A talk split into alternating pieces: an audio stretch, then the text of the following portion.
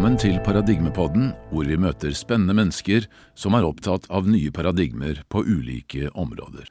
Mitt navn er Terje Toftenes. Aller først så vil jeg starte denne podkasten med å rette en stor, stor takk til alle de som har vært med å støtte oss så langt. Det er dessverre veldig vanskelig for oss å kunne gi personlige tilbakemeldinger, fordi uh, jeg har ikke mailadressene deres. Men um, det er mange som har uh, gitt oss bidrag, uh, slik at vi kan fortsette denne podkasten og også slippe å ha reklameinnslag. Så tusen, tusen takk til dere. Og hvis det er andre som vil fortsette å støtte oss, så er vi selvfølgelig også kjempe, kjempeglad for det.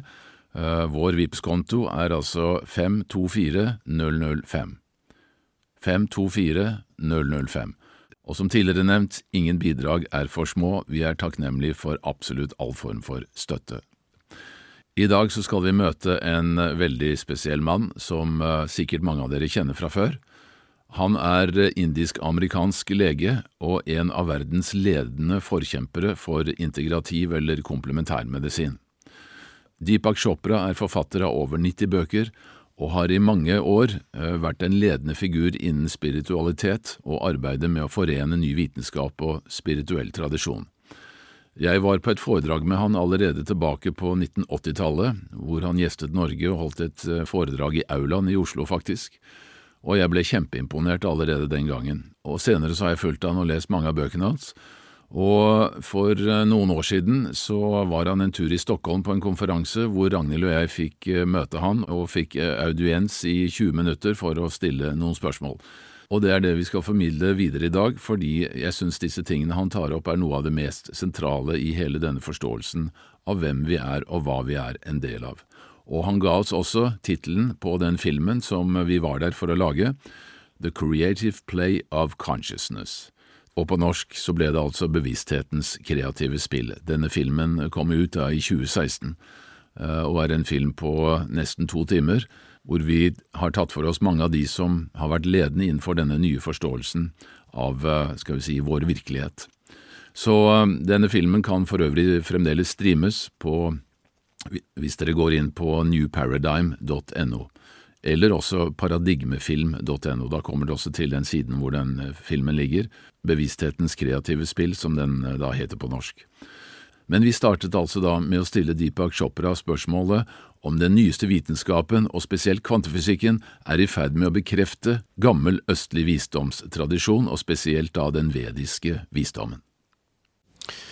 Well, the Eastern wisdom tradition that uh, I am familiar with or have experience with is the tradition of Vedanta, uh, which is part of the Vedic wisdom tradition. The word Veda means knowledge. Okay, so um, this is the tradition that deals with consciousness as a fundamental reality. It defines consciousness as the ultimate reality, as the source of everything in creation from space, time, information, energy, matter are differentiated expressions of consciousness. Furthermore, consciousness is transcendent. Transcendent means it's not, it's beyond space and time. It's the what becomes space and time.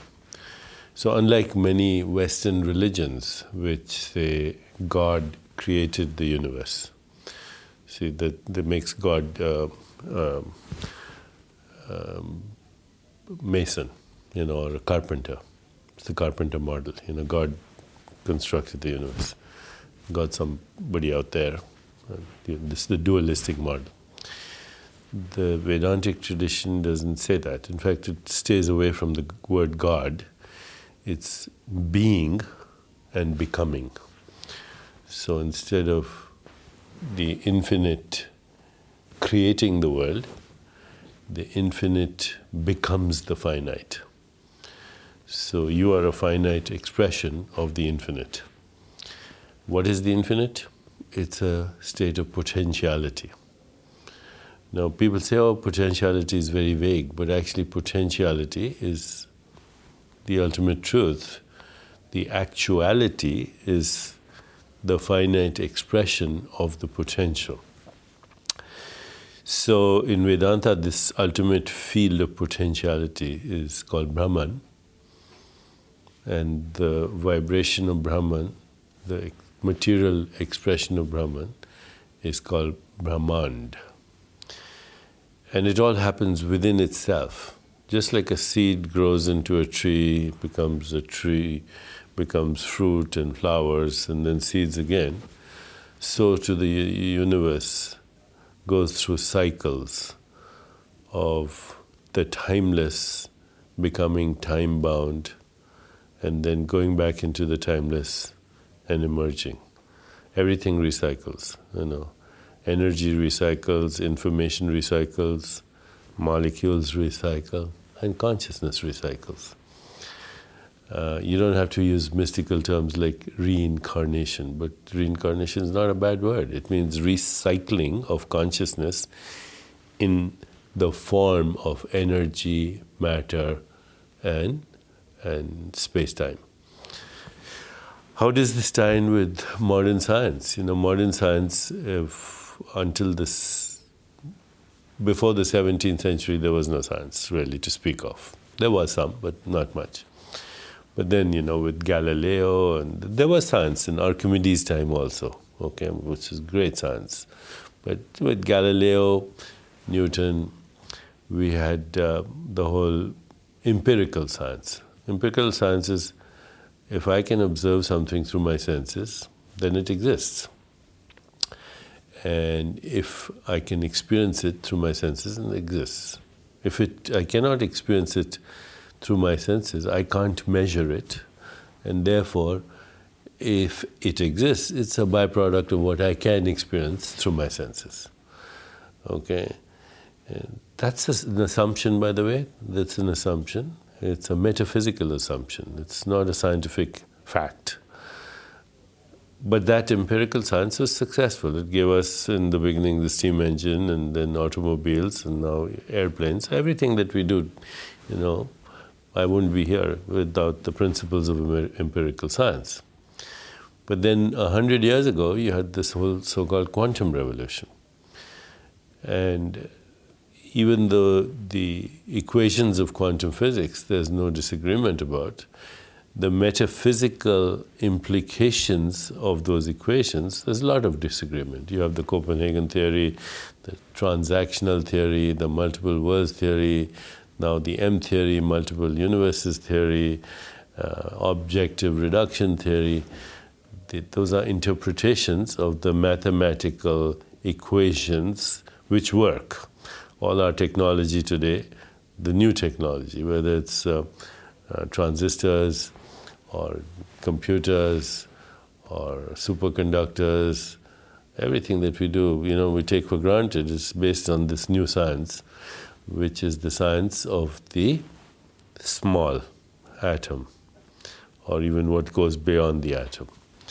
But the metaphysical implications of that are kind of strange. You have particles, they're supposed to be things. An electron is a particle. When you're interacting with it, it's a particle. But when you're not, it's a wave. And the wave is spread out across the universe. Okay. Statistically, you can determine where you will find it statistically uh, with certain degree of probability, but no certainty. Okay, so it's a particle, I'm observing it, I'm not observing it, I'm not interacting with it, it's a wave. And furthermore, it's not a wave of energy or in, uh, it's not a wave of matter. It's, it's a mathematical number, it's a wave function. How does it become something physical? And so we would say, and a lot of people disagree with us, that mathematics exists in consciousness. Those numbers exist in consciousness.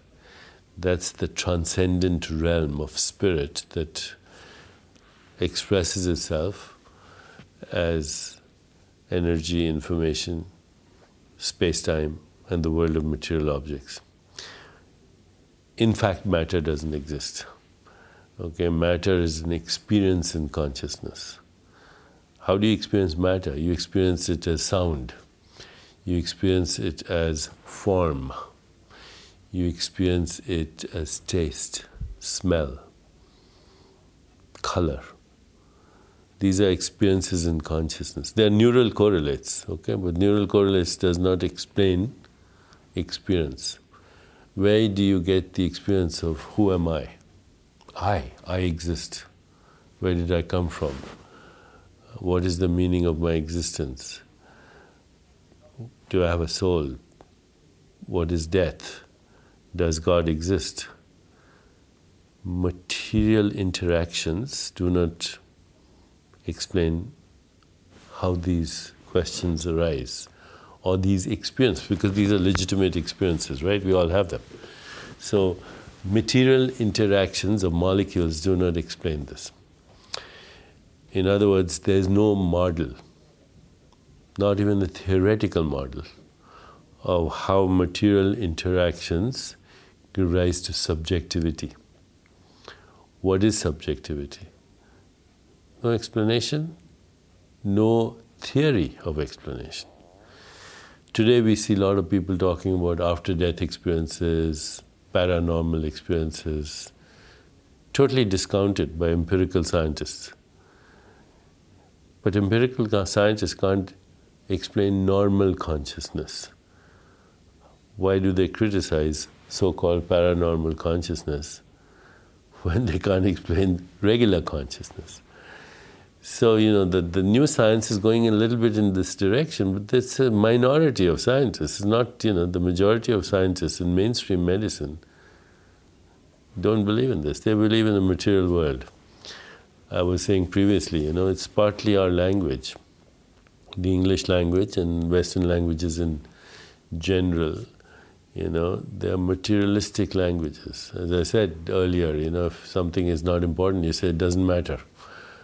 Okay, it's not material.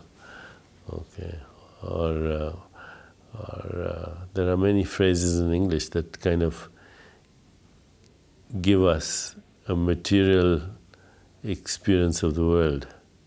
How do I have an image in my mind if I close my eyes and imagine a sunset? I see it. Where is the image? Okay, where is the color? No explanation. It's called the hard problem in science. I think the hard problem exists because we're looking in the wrong place. We're looking at molecules to explain who we are. When who we are is the one that creates the molecules. It's the other way around. Um, it'll be a while before we get there, you know, in science. Science is, consciousness is the so called white elephant in the room. Nobody can see it, it's there in the room. But everybody refuses to see it. But in the absence of not being able to explain it, we're stuck. How do you define consciousness? I define consciousness as the ground of existence. And by existence, I don't mean anything mystical. Everything that exists, the ground of existence. So, you know, there has to be some ultimate reality we assume there has to be an ultimate reality. And if that ultimate reality is ultimate, then it has to be acausal. A causal means it has no cause, it has to be outside of space time, it has to be transcendent. These words mean nothing to people unless they have the experience of the transcendent. The experience of the transcendent is a subjective experience where you go beyond what is called the subject object split Okay, so the subject object split is I am this, different from this. But even science will acknowledge that this and this is made of the same thing. Okay, it's the same molecules, the same atoms, the same subatomic particles, in the same ultimate field. So I and this are the same thing in different disguises. Okay? Now, if I have that experience, it's a very uplifting experience. It's, I am all that there is. But um, science will say, I and this is the same thing, but we're different. But we're not. I'm the universe. But this consciousness must uh, obviously be uh, intelligent in a way because it organizes the uh, it organizes matter uh, in a way that uh, is a continuum. Uh, I mean, it organizes your body over and over and over as the same form. Um, Actually, it's much more complicated. When you see me, you don't see me.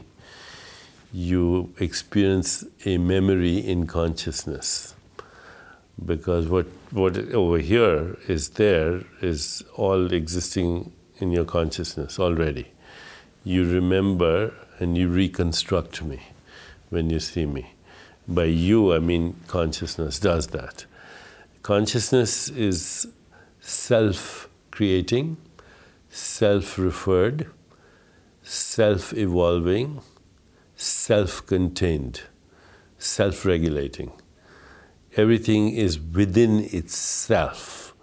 So there's no outside of consciousness. Everything you experience is in consciousness. The whole universe exists in consciousness. There's no outside. if there was, you wouldn't know it because you can't get out of it. Okay? So everything that happens is within consciousness. It's also self organizing. But it experiences itself as the objects of creation. It experiences itself as the other. There is no other. But where does the drive come from? Um, the drive of uh, creation or, or, creativity in this uh, realm of consciousness? It's the creative play of consciousness. Where does it come from? It's inherent property. Just like they say in the ancient scriptures of Vedanta, this just says, just as movement is inherent in air, creation is inherent in consciousness. It's an attribute of it. Is it God? Yeah, there's only God. There's nothing other than God. Can you explain to us uh, how you define the soul and uh, how it relates to uh, consciousness? The soul is an in, is an um, localized bundle of consciousness that's constantly evolving and is in transformation, and uh, it is uh, a part of the non-local consciousness. So just like a wave on the ocean is a pattern of behavior of the ocean. So, to the soul is a pattern of behavior of the infinite consciousness.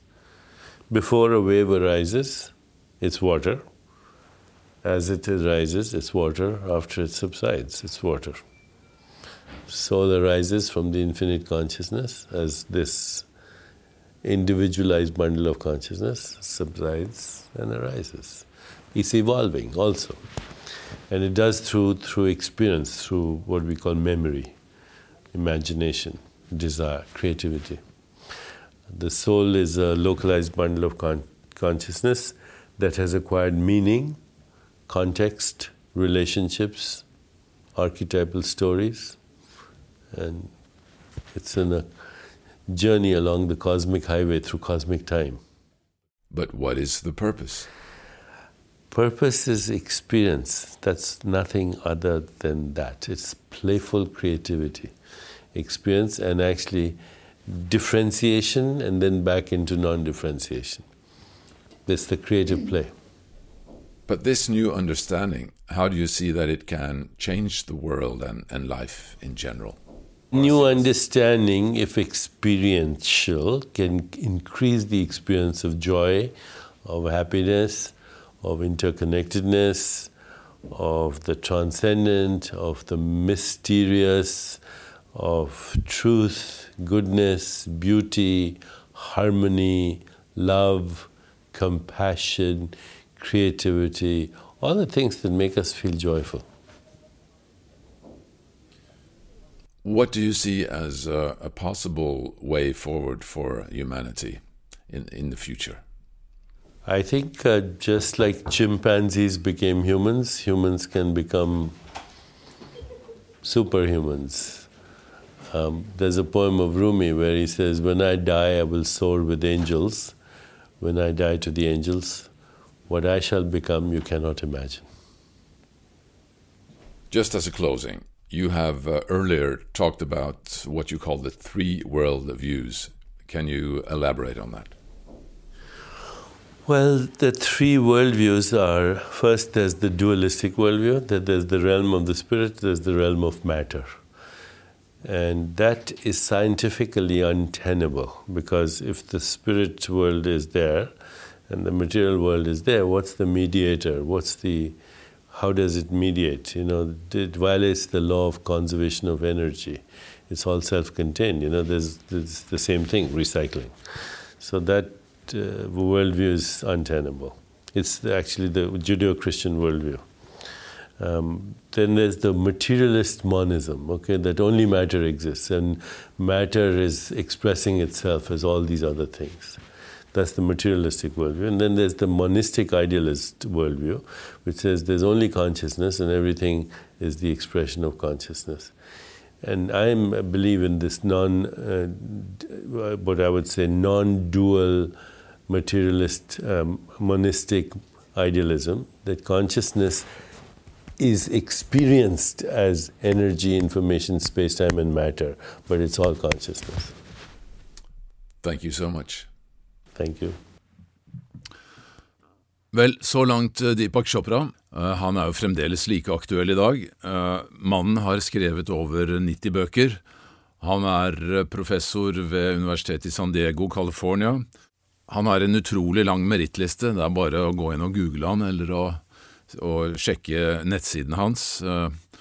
TheChopraFoundation.com, tror jeg det er.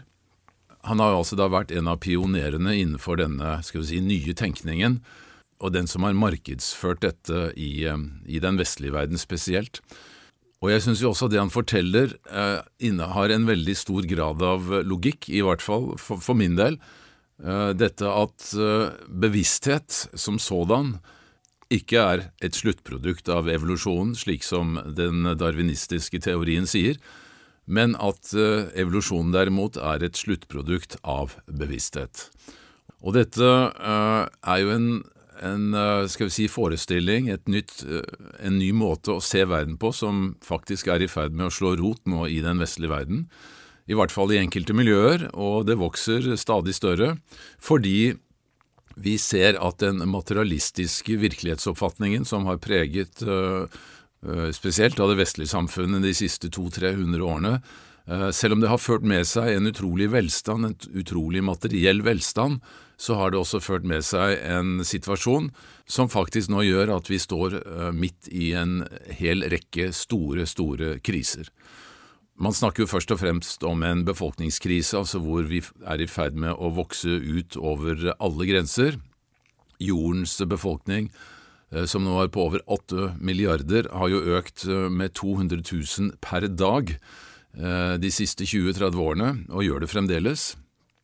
Selv om det har stabilisert seg noe i akkurat vår lille del av verden, i Nord-Europa, så er det fremdeles en veldig, veldig stor vekst i store deler av, av verden. Og dette skaper jo da en enorm befolkningskrise som vi har sett eh, skal vi si, forferdelig vonde resultater av, med folk som prøver å, å emigrere til eh, bedre steder å leve, altså spesielt da over Middelhavet osv. Uh, sånn at en uendelig vekst innenfor et lukket system, som jorden tross alt er, det, det er ikke mulig. Uh, og det er jo sånn som uh, i bakterieverden, altså bakterier har jo en enorm evne til å formere seg veldig fort. Uh, altså Det kommer en ny generasjon hvert 20. minutt. For bakteriekulturer er jo sånn at når de har hatt en utrolig vekst over veldig kort tid, og spist opp rett og slett all næringen som har vært i det miljøet de har levd i, så, så bare dør de ut. Og det er jo det som faktisk er i ferd med å kunne skje på denne jorda, når vi nå bruker opp alle de tilgjengelige ressursene Uh, uten, uh, fordi vi ser på naturen rett og slett som en slags uh, ressursbank, så vil vi også kunne komme i en situasjon hvor vi ikke har flere ressurser igjen, og da er katastrofen uunngåelig. Sånn at denne, dette skiftet da, i å forstå både hvem vi er og hva vi er en del av, og ikke minst da, at vi er en del av den naturen og den jorda vi lever på, er jo ekstremt viktig for å kunne klare å komme inn i et mye mer type selvregulerende eh, og selvbevarende system. Vi snakker veldig mye om dette, bruker veldig mye dette ordet bærekraftig, som er kanskje litt vanskelig å forstå, men det at systemer da er, kan ivareta seg selv og være selvregulerende, akkurat som for eksempel da menneskekroppen er. Altså Vi har jo noen utrolige selvregulerende systemer inni kroppen som gjør at kroppen sørger for at vi hele tiden er mest mulig optimale. Ut fra det miljøet som kroppen både er i og omgir seg med, så, så må vi også eh, skal vi si, begynne å legge om hele våre store samfunnssystemer til å bli mye mer selvregulerende hvis vi skal klare å overleve. Og det er som sagt umulig å ha uendelig vekst innenfor et uh, lukket system, som jorda er. Og det er jo mange som til og med bruker denne analogien med at uh, jorden er som et romskip med eksosrøret inn i kupeen. Og det syns jeg er ganske betegnende for hvordan situasjonen er. Og vi har jo også da, i tillegg til en befolkningskrise, så har vi en energikrise. Vi har en helsekrise ved at folk eh, blir sykere og sykere, spesielt av kroniske sykdommer, som igjen er forårsaket av det miljøet som vi har skapt og den måten vi lever på. Og vi har også da selvfølgelig disse politiske krisene med kriger og uroligheter som, eh, som herjer rundt omkring hele tiden, og ikke minst nå i Europa, eh, denne forferdelige krigen. Så det er veldig mye å ta tak i her, men det, spørsmålet er om ikke det krever altså en fundamental omlegging av hele forståelsen av hvilken virkelighet vi egentlig lever i. Og det er nettopp det vi prøver å få frem i denne paradigmepodden, at tiden er kommet for, å, for et altså monumentalt paradigmeskifte.